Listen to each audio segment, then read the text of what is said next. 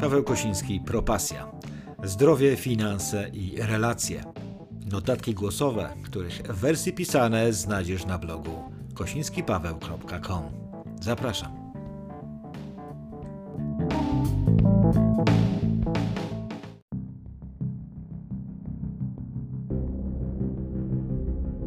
Cześć, witaj, Paweł Kosiński z tej strony.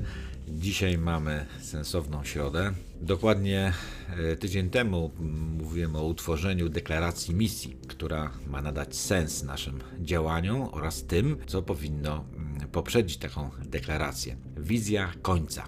Praktyczne ćwiczenie zawarte w książce 7 nawyków skutecznego działania Stephena Coveya. E, przytoczę je w całości, abyś w pełni z niego skorzystał. Zaczynamy.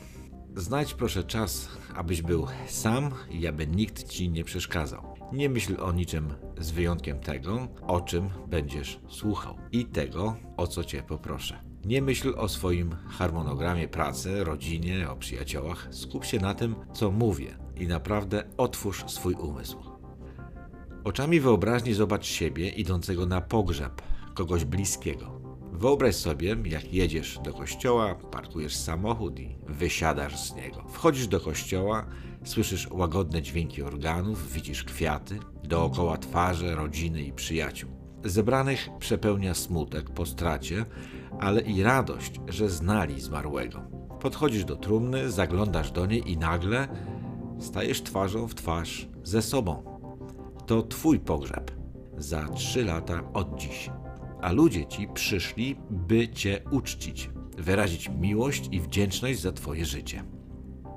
Zajmujesz miejsce w ławce, czekając, aż zacznie się uroczystość.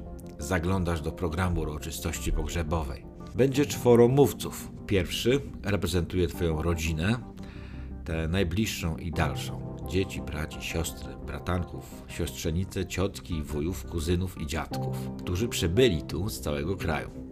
Drugi mówca to jeden z Twoich przyjaciół, ktoś, kto naprawdę może dużo o Tobie powiedzieć.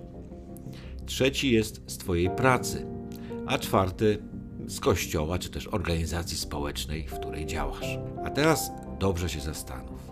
Co chciałbyś usłyszeć od każdego z mówców o sobie i o swoim życiu? Jakiego męża i ojca, czy jaką żonę i matkę chciałbyś ujrzeć w ich słowach? Jakim synem, córką czy kuzynem chciałbyś być? Jakim przyjacielem? Jakim kolegą z pracy? Jak chciałbyś, by postrzegali Twój charakter? O jakich Twoich osiągnięciach i wkładach chciałbyś, by pamiętali? Popatrz na tych, którzy Cię otaczają. W jaki sposób chciałbyś wpływać na ich życie? Weź kartkę i zanotuj wszystko, co czujesz w związku z tym. Co chciałbyś usłyszeć o sobie od swoich najbliższych, od przyjaciół, współpracowników. Jeżeli udało Ci się to zrobić w skupieniu, to dotknąłeś swoich podstawowych, najgłębszych wartości. Właśnie ta wizja końca posłuży nam do wytyczenia, czy może wyznaczenia deklaracji własnej misji, która będzie miała prawdziwe znaczenie i sens, da nam siłę i moc sprawczą Dlatego już teraz zapraszam Cię na kolejną sensowną środę. Pozdrawiam. Paweł Kosiński. Hej!